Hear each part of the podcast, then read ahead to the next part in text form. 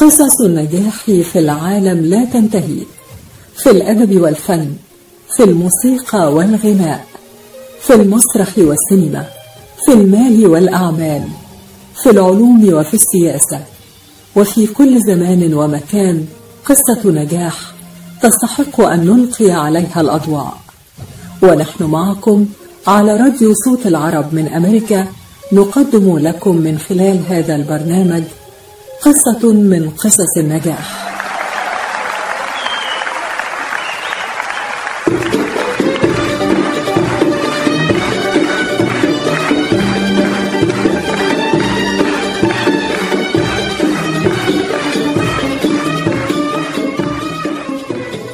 قصة نجاح.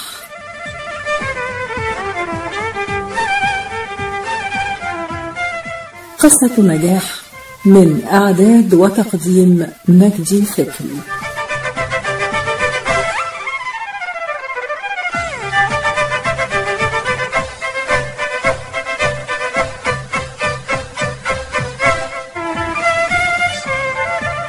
مستمعينا الأعزاء مستمعي إذاعة صوت العربي من أمريكا في الولايات المتحدة وفي كل مكان من العالم أهلا بكم معنا في قصة جديدة من قصص النجاح.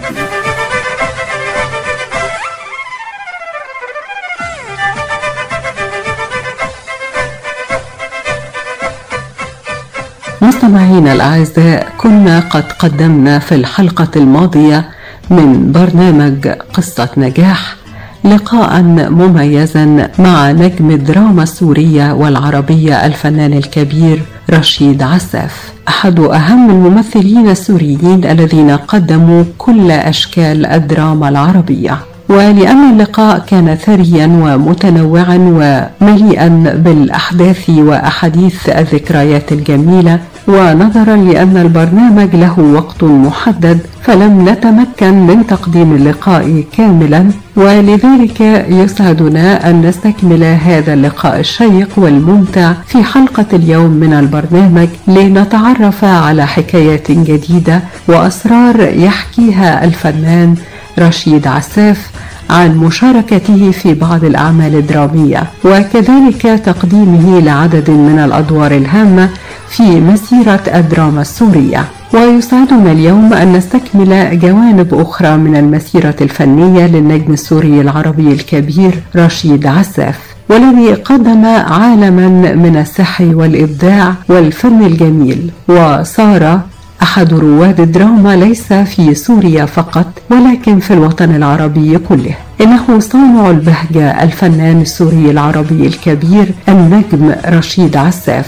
وكما ذكرنا في الحلقة السابقة فقد ولد الفنان رشيد عساف في منطقة خربة التابعة لمحافظة السويداء في سوريا وهو من مواليد الثالث عشر من أغسطس آب عام 1958 وعرف بموهبته ومحبته للفن منذ طفولته.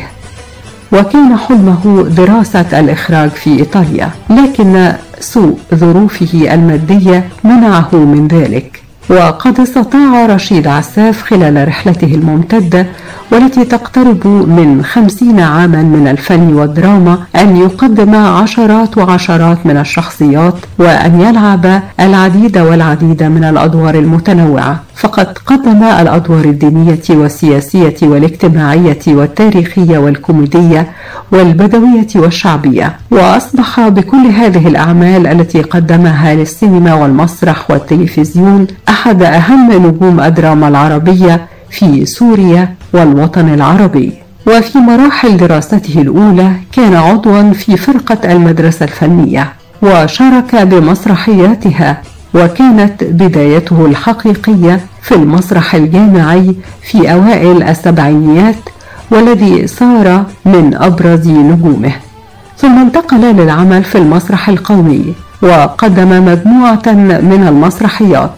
وفي عام 1984 شارك رشيد عساف في بطولة الفيلم السينمائي الحدود مع الفنان الكبير دريد لحام وكان لمشاركته في فيلم الحدود أهمية كبيرة في تاريخ الفن لما لاقاه الفيلم من نجاح كبير. وفي نفس العام شارك أيضا في فيلم أمطار صيفية. وفي عام 1985 ظهر في المسلسل البدوي الأردني محاكم بلا سجون. في عام 86 شارك في عدة أعمال ومنها مسلسل الدروب القصيرة. كما شارك في عام 1988 في مسلسل دائرة النار. ومسلسل الطبيبة. وفي عام 1989 شارك في مسلسل البركان كما شارك أيضا في المسلسل البدوي كهف المغاريب برز في العديد من مسلسلات الفانتازيا التاريخية وكان من أهمها وكان من أهم أعماله فيها مسلسل صراع الأشاوس ومسلسل البواسل ومسلسل الفوارس ومسلسل الكواسر. ونالت هذه المسلسلات صدى كبير في فترة عرضها. كما كانت لرشيد عساف مشاركات هامة في الدراما التاريخية من أبرزها مسلسلات البحث عن صلاح الدين والعبابيد الذي تناول فترة حكم الملكة زنوبيا في تدمر. وفي عام 2019 شارك في المسلسل التاريخي ممالك النار. الذي يوثق الفترة الأخيرة لحكم المماليك وسقوطهم على يد الدولة العثمانية. كما كان أيضا لمسلسلات البيئة الشامية نصيب من أعمال رشيد عساف فشارك في مسلسل طوق البنات ومسلسل عطر الشام ومسلسل رجال العز. من الأعمال الدرامية الأخرى التي ظهر فيها رشيد عساف مجموعة المسلسلات سحابة صيف عائلة رضا المتاهة الحيتان الدخيلة الخربة والمسلسل الكوميدي الواقواق في عام 2020 قدم عساف دورا هاما في مسلسل حارس القدس الذي يروي قصة حياة المطران إيلاريون كابوجي. النجم السوري الكبير الفنان رشيد عساف أهلا بيك معنا. يا أهلا وسهلا. أهلا فرصة سعيدة وإن شاء الله دائما نلتقي بمحبة. يا رب. يا أهلا وسهلا. إن شاء الله يا رب. الفنان النجم السوري العربي رشيد عساف يعني قدمت عدد من الأعمال الكوميدية يمكن من أهمها دور أبو نايف في مسلسل الخربة. آه، طبعا عايزين برضو نعرف إيه كلمة الخربة دي لأن معانا مستمعين عرب من كل الجاليات العربية دي ما كانتش أول تجربة كوميدية لكن كانت تجربة هامة في حياتك. آه طبعا. إيه من أهم التجارب أنا بعتبرها. آه، وحتى لما أعطوني الدور هذا الحكي من 2011 فسألت المخرج الليث حجه من وجه له التحية قلت له أنت شايفني بهذا الدور عمري 75 سنة. قال لي إيه؟ قلت له دي لابوك طيب أبوه الله يرحمه ممثل. قال لي لا أنت. أبوه عمر حجه يعني كان متابع ولاد لحام يعني مع, بعض هو ودريد جايلوا بعض. قال لي لا أنت وفعلا بلبوس الشخصية وكذا بورجيك صورها حتى يعني. والحمد لله الأستاذ دريد وأنا ومجموعة الفنانين من أجمل الأعمال وهو بنفس الوقت هي قرية بسيطة وفيها عيلتين عيلة بمالحة اللي بزعمها أنا وعيلة بقعقورة اللي بزعمها دريد لحام. ودائما بيغاروا من بعض يعني لو غ... لو ب... لو مالحة عندهم مثلا طالب تخرج طب لازم هم يدرسوا واحد كمان طب يخرجوه دكتور. فاتصور راحوا درسوا واحد واجا من برا دكتور قام طلع دكتور بيطري. فشوف الافتخار يعني. فكان من الأعمال الكوميدية لأنه يصيروا وصلوا لمرحلة كمان شوف أنت المواكبة إنه وصلوا لمرحله قد ما اختلفوا بعض. اتفقنا أنا والاستاذ دريد اللي هو آه، أبو نمر وأنا أبو أبو نايف إنه خلص خيو. هاي الخربة هي القريه اسمها الخربة. الخربة بمعنى الخربة بمعنى إنه المكان الخراب الخربانة. مكان خراب يعني قرية مهدمة. بيقول لك هذا أحيانا بيقول لك خربة غزالة. يعني امرأة اسمها غزالة وقريتها هي خربانة فخربت غزالة لفلان خربت كذا. فوين ما رحت فيها الاسم الخربة. هون اتفقنا إنه الخربة نعملها خربتين نقسمها. فصارت خربة بمالحة وخربة بقعقور فتشوف لحد وين إنه الوطن العربي مقسم لا قسمناه أكثر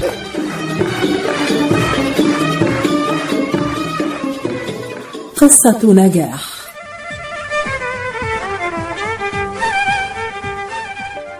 احرصوا على صحتكم بالتصدي لكوفيد 19 وأيضا بمواجهة مرض الإنفلونزا الذي يصيب الملايين من الأشخاص معرضا أرواحهم ونظام الرعاية الصحية بأكمله للخطر.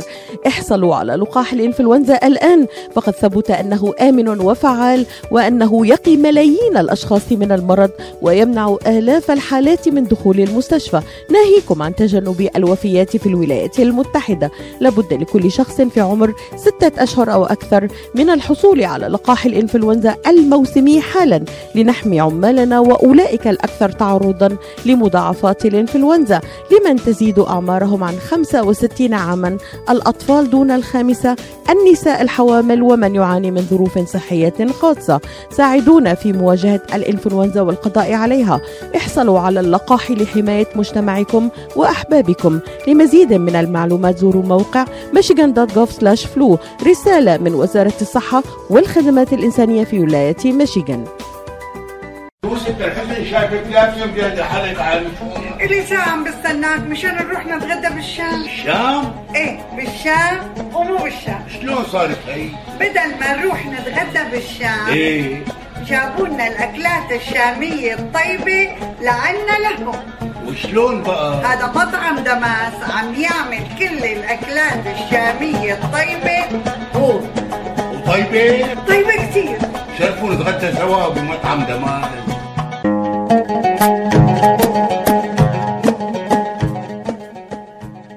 الأكل الشامي الأصيل فقط ب Damas Cuisine. زوروهم على 28841 Orchard Lake ب Farmington Hills.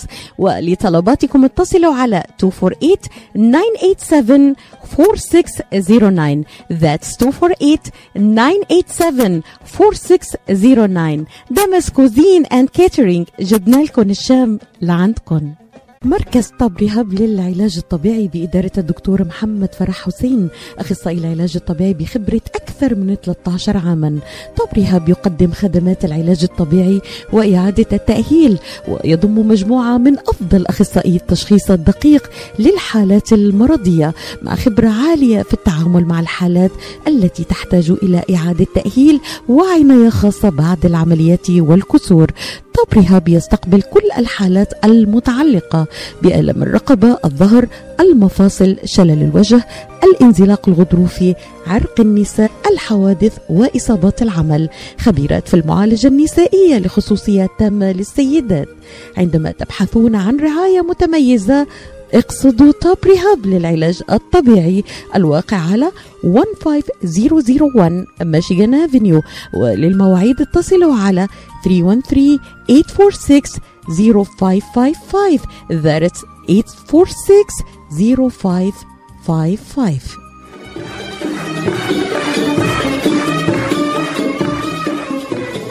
قصة نجاح.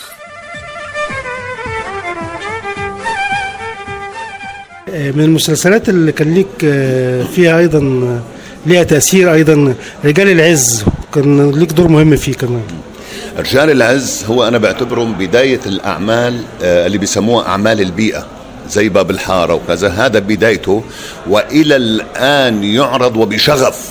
رجال العز كنت أنا وحبيبي كمان قصي خولي وعملنا العمل ونجح نجاح ومعنا منى واصف ومعنا يعني معنا كبار الممثلين والله يرحمه عبد الرحمن الرشي.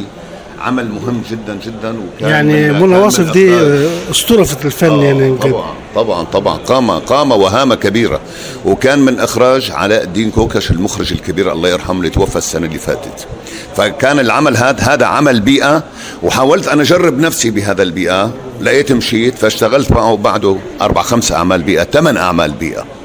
على شاكلة رجال العز. زي طوق البنات اشتغلت وراه أنا آه، زمن البرغوث. آه، البرغوث البراغيث. البرغوث هو ليس حشرة. مش الحشرة البراغيث لا البرغوث هو كانت أصغر أصغر عملة مجيدية تحت المجيدة أصغر عملة عثمانية. إنه برغوث أيوة. ولازم يكون من الفضة. لازم يكون البرغوث فضة يعني. وعندي كمان اشتغلت بعدين طوق البنات واشتغلت بعدين عطر الشام واشتغلت بعدين آه، عمل مهم جدا اللي هو آه، آه، شوارع الشام العتيقة. زي لما فيروز شوارع القدس العتيقة هون شوارع الشام العتيقة. واللي كتب العمل ابني أخويا ممثل اسمه علاء عساف هو اللي كتب المسلسل وكان مسلسل هايل. اشتغلت يمكن أكثر من عمل عن الشام وعن سوريا. مش كده؟ طبعا طبعا. هدول الأعمال بيطلعوا يعني أنا اشتغلت طوق البنات أربع أجزاء. كان بيتكلم عن إيه طول البنات؟ آه، وكمان عن عن عن عن أعمال مثل باب الحارة أعمال شامية.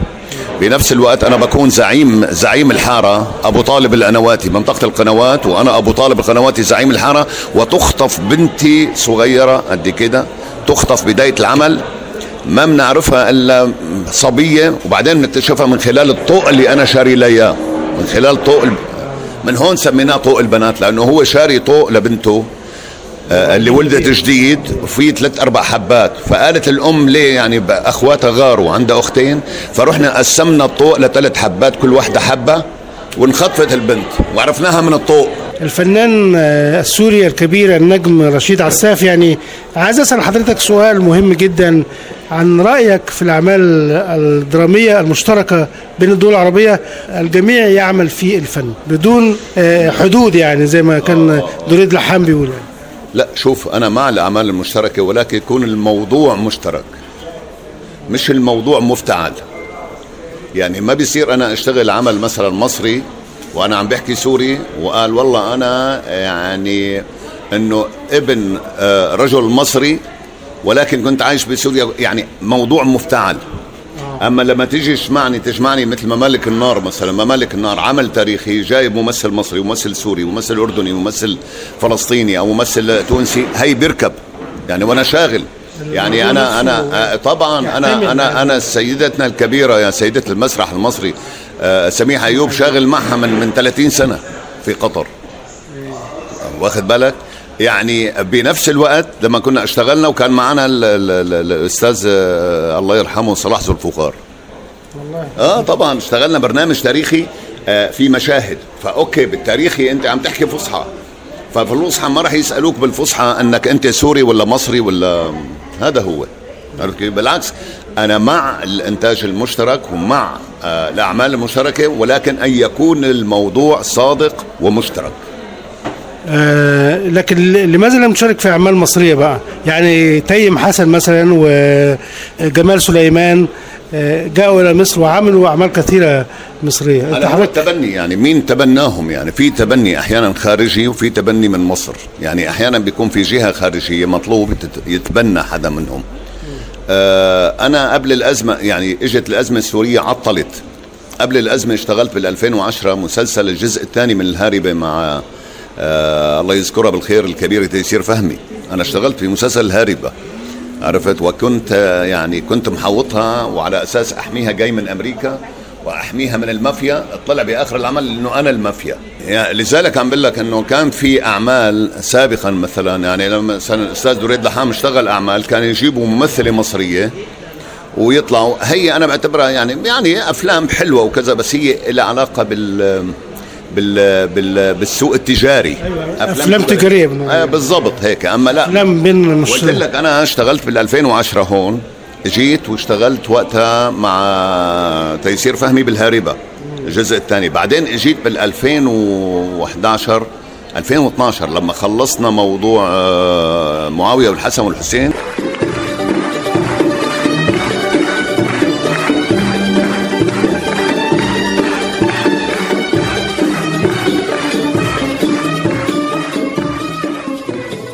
قصة نجاح.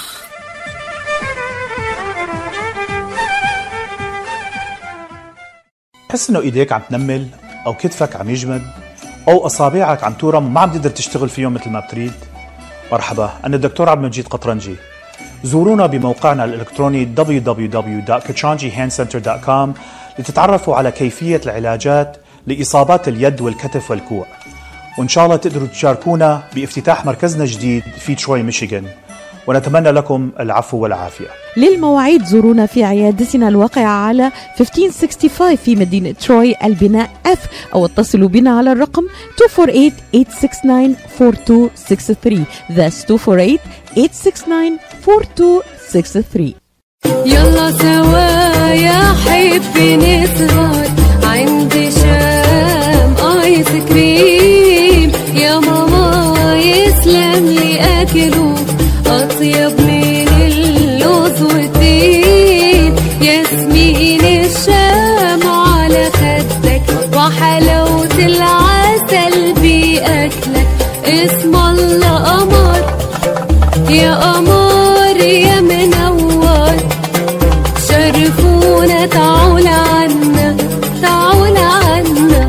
248-8857 Orchard Lake مدينة Farmington Hills أو اتصلوا على 248-516-3130 بعد تطعيم أكثر من ثلاثة بلايين شخص حول العالم بشكل كامل بلقاح كوفيد 19 تمت الآن الموافقة على تلقيح الأطفال من عمر 5 إلى 11 سنة فقد أثبتت الدراسات بعد تجارب سريرية مع أطفال حول العالم أن جرعتي اللقاح المخصصة لهم آمنة وفعالة يوصي الأطباء بتلقيح الأطفال من سن الخامسة فما فوق من أجل حماية الأصحاء منهم أو ذوي الظروف الصحية الصعبة.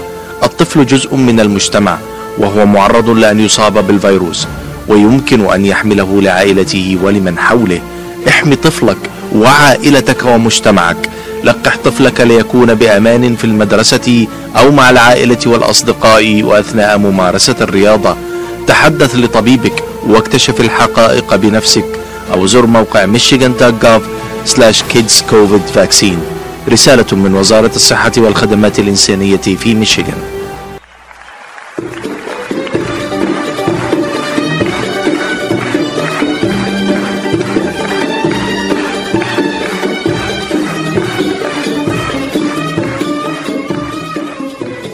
قصة نجاح.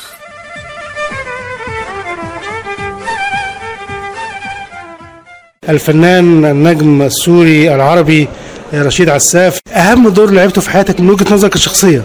آه، أدوار عديدة.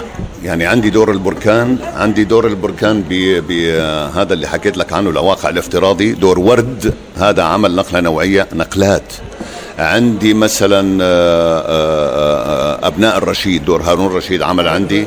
عندي عمل بدوي مهم اسمه غليس راس غليس. هذا كمان ضرب كتير. عندي الآن يعني من الأعمال اللي بعتز فيها ومسجله ولازم تسجل مثل ما بيقولوا بسجلي بذكرياتي بحضوري بصف بصفحتي. التا- الحياتية هو دور المطران كابوتشي حارس القدس. هل آه هو مسلسل وفيلم المطران هيلاريون كابوتشي. ده كلمنا عنه ده بالتفصيل شوية لأن هذا هذا كابوتشي شوف هذا عملنا المسلسل السنة اللي فاتت اسمه حارس القدس. بيتكلم عن حياة هذا الرجل اللي صار رجل دين من حلب هو صار رجل دين بلبنان وعين آه، مطران القدس للروم ال- الملكيين الكاثوليك في القدس وصارت 67 بس يعني هو بداية 67 صار 67 الإسرائيليين احتلوا القدس فهو ناهضهم ناهضهم وشكل وشكل جماعات تناهض الاحتلال. ووصل لمرحلة إنه صار يهرب الأسلحة حتى من من مصر من لبنان إلى إلى شو اسمه هرب الأسلحة إلى إلى فلسطين. على قدس. كذا مرة هرب بالأخير اعتقلوه وحكموه 12 سنة سجن لهذا المطران. نام فيهم أربع سنين بوساطة البابا طلعوه نفي ممنوع يفوت أي دولة عربية. وأخذوه على روما بعدين أخذوه على على فنزويلا كمان راح زيارة ما عاد رجعوه. بعدين غصبا عنهم اجى على الدول العربية. برضه يندرج تحت الأعمال التاريخية والدينية يعني. عمل عمل تاريخي وديني موثق عن حياة هذا المناضل الكهنوتي الرائع.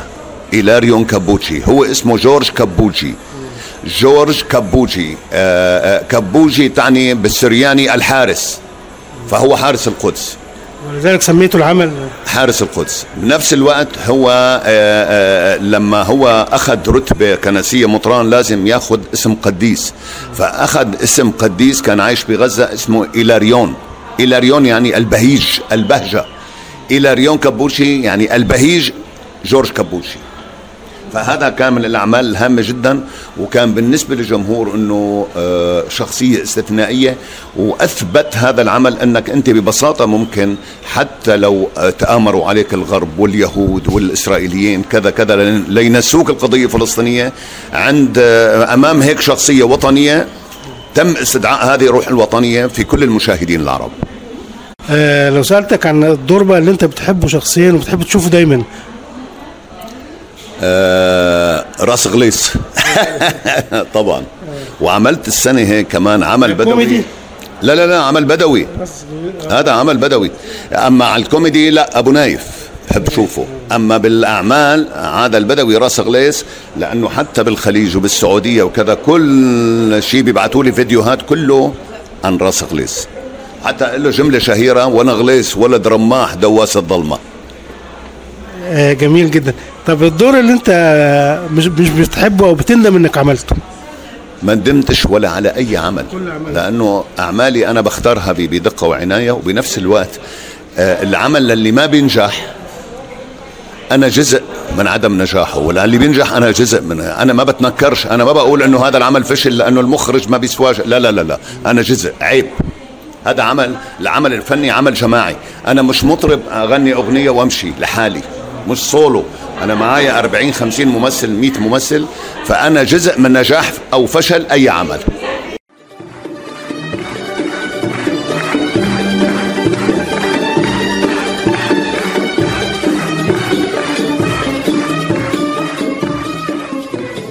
قصة نجاح.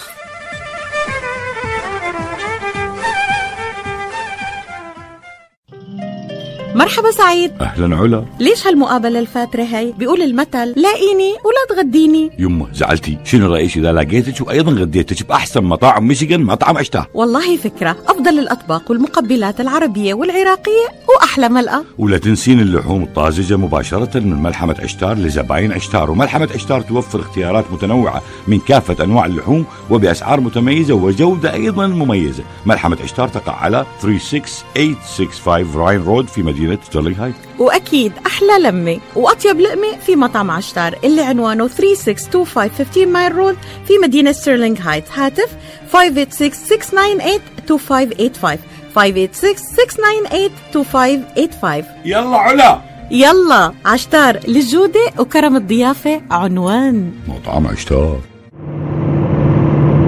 الساعة التاسعة وسبعة عشر دقيقة. أوف لقد تأخرت. يجب أن أسرع.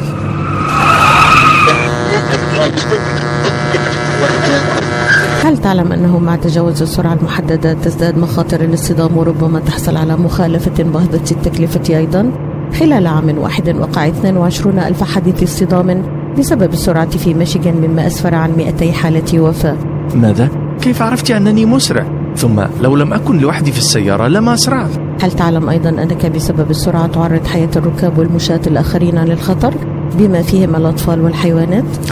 كيف تعرفين كل هذه الأشياء؟ إني أعرف كل شيء. كيفن كلما زادت سرعتك فوق الحد المسموح به كلما زادت مخاطر ارتكابك للحوادث خفف السرعة. هناك من يراقب سرعتك الآن. رسالة من مكتب تخطيط سلامة الطرق السريعة في ولاية ميشيغان. العطاء قصة رائعة. بدايتها إنسان يهتم ونهايتها إنسان يحتاج. مؤسسة الحياة للإغاثة والتنمية ومنذ أكثر من 25 عاما تحمل عطاءك إلى من يستحقه ويحتاجه بغض النظر عن الجنس أو العرق أو الدين. فأينما تكون الحاجة تجد الحياة تقدم المساعدة الطبية والملاجئ وبناء المدارس والأوار الارتوازية وبرامج كفالة عوائل اللاجئين والأيتام وغيرها حسب الحاجة. للمساعدة في استمرار هذا الجهد الكبير امنح تبرعك المعفى من الضرائب اليوم إلى منظمة الحياة للإغاثة والتنمية عبر الموقع www.lifeusa.org أو الاتصال على الرقم المجاني 1-800-827-3543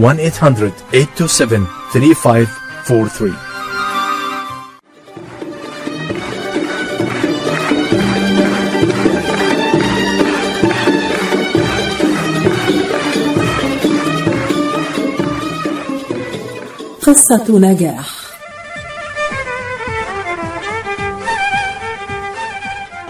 الفنان آه، السوري الكبير النجم رشيد عساف يعني كلمنا بقى عن آه، يعني أنا أعرف إنك أنت بتتردد كثيرا على الولايات المتحدة. كلمنا على الولايات المتحدة على علاقتك بها إيه؟ هل هي علاقة عمل ولا زيارات؟ لا لا والله لا لا علاقات عمل ولا شيء. كل ما هنالك إنه بالأزمة السورية اللي حدثت اولادي آه، عندهم خالتهم وخالهم موجود في أمريكا وقدموا لهم بال 2002 لم شمل. فاجت الموافقه على لم الشمل بال 2011 واجت الموافقه انه نطلع بال 2015 وطلعت أنا وياهم لهنيك. هلا اولادي اخذوا الجنسية الامريكية اما أنا بروح وبجي بروح وبجي. وهن بيجوا عشقك الوطن. طبعاً. يعني أنا عم بشتغل بالدول العربية آه، بالعملة السورية أو بالعملة المصرية بحولها لدولار وببعتها. عشان يدرسوا.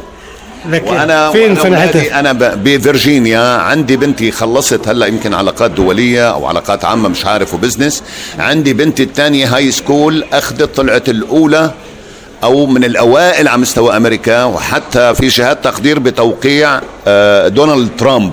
وقال دونالد ترامب وعطوها وعطوها full scholarship يعني منحة دائمة بجورج منحة كاملة بجامعة جورج واشنطن بنيو بواشنطن. وهي يعني خففت حمل عني ماديا إنه أخذت منحة كاملة. جميل جدا. آه، أمريكا والحياة في أمريكا والعالم في أمريكا. آه، أهم ملاحظاتك ومشاهداتك ومفيش يعني فكرة كده جات لك تعملها في دراما سورية؟ والله عرضوا علي. أنا عرضوا علي فيلم بس ما بعرف تأجل. عرضوا علي فيلم إنه أب وأم آه، سوريين وعندهم ولد مصاب بالتوحد وبتتطور المساله وبعدين بتصير جرائم بالعمل. بيطلع الولد اللي عم بيقوم بالجرائم وأنا وياهم عمل في وأنا. أمريكا؟ عمل إيه؟ فيلم فيلم بامريكا طبعا. حكى معي. منتج أمريكي اسمه ماكس كيلر. لا أنا بتكلم على بشكل تاني. آه، آه. ال- الحياة في أمريكا ومشاهداتك مشاهداتك للحياة الأمريكية لم يوحي لك بفكرة هنا تنفذها في سوريا دراما سورية؟ يعني آه، ربما. يعني إيه أهم مشاهداتك؟ ربما يعني ربما. إيه الفرق بين الحياة هنا والحياة لا لا هون أنت هون عم بتعيش الحياة هون عم بتعيش الحياة إنه بكرة ممكن يكون أحلى. هنيك بتعيش الحياة بشكل انعزالي. وأنا بقول دايما في مناطق هلأ أنا بروح دبي مثلا بروح على منطقة اسمها مثلا دبي القديمة في ديرة أو بر دبي بنبسط أكثر من المارينا وكذا. بالمارينا بحس حالي بمنهاتن. لأنه بتنزل من عمارة مثلا 20 30 طابق وبتروح ما فيش حد. فهمت علي؟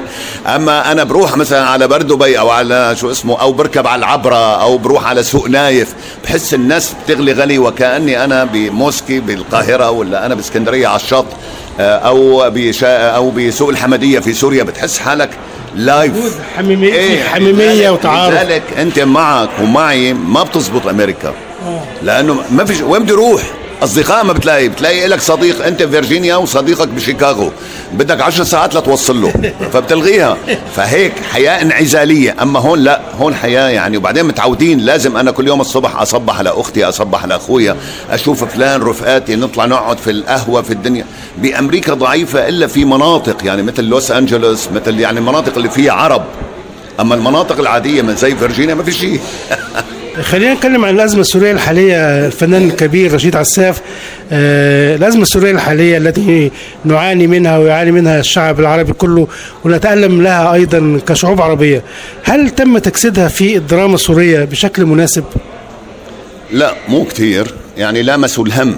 يعني هم يعني عملت انعكاس على مشاكل الناس من الناحيه الإنسانية والناحيه الحياتية نتيجة الأزمة اللي صارت في سوريا مش بس في سوريا بالوطن العربي كله حتى في مصر.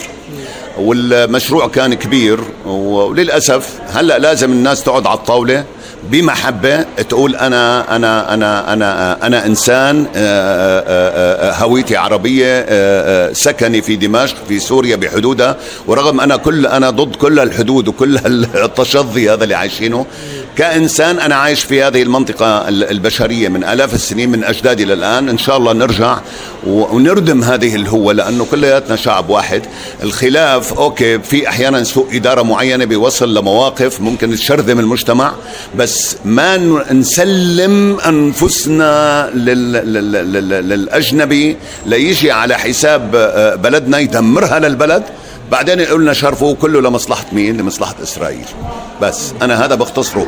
وإن شاء الله بيرجعوا الجميع وبمحبة وأنا أنا طول عمري أنا ما عندي صفحة ولا عندي كذا ولا عندي كذا حتى ما أدخل بحالة الأزمة السورية وأزمات أخرى ويصير لأنه إذا ما يعني صاير فينا نحن إذا لم تكن معي فأنت ضدي.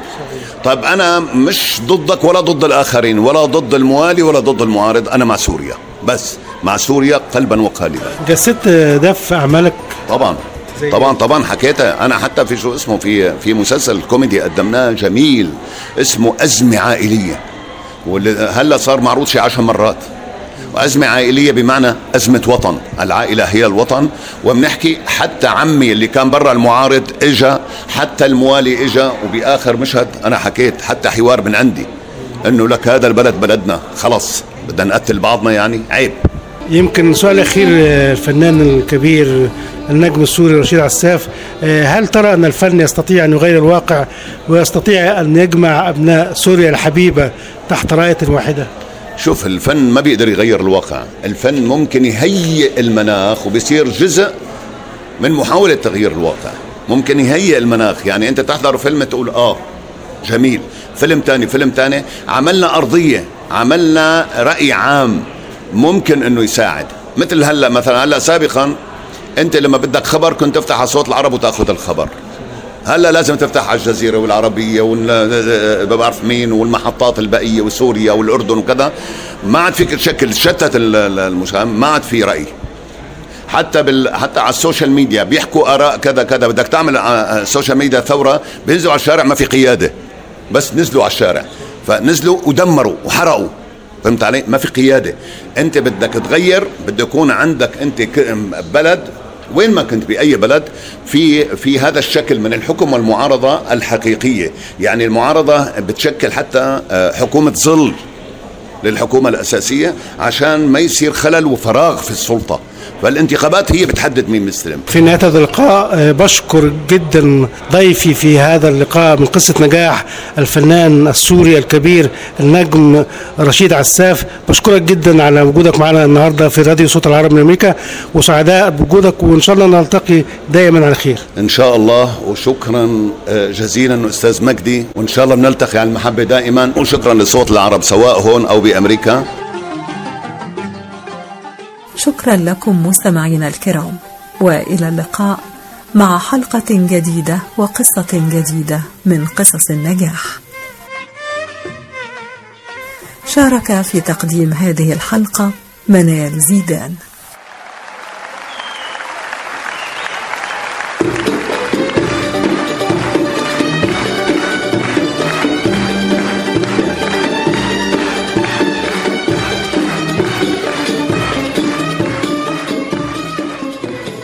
قصة نجاح.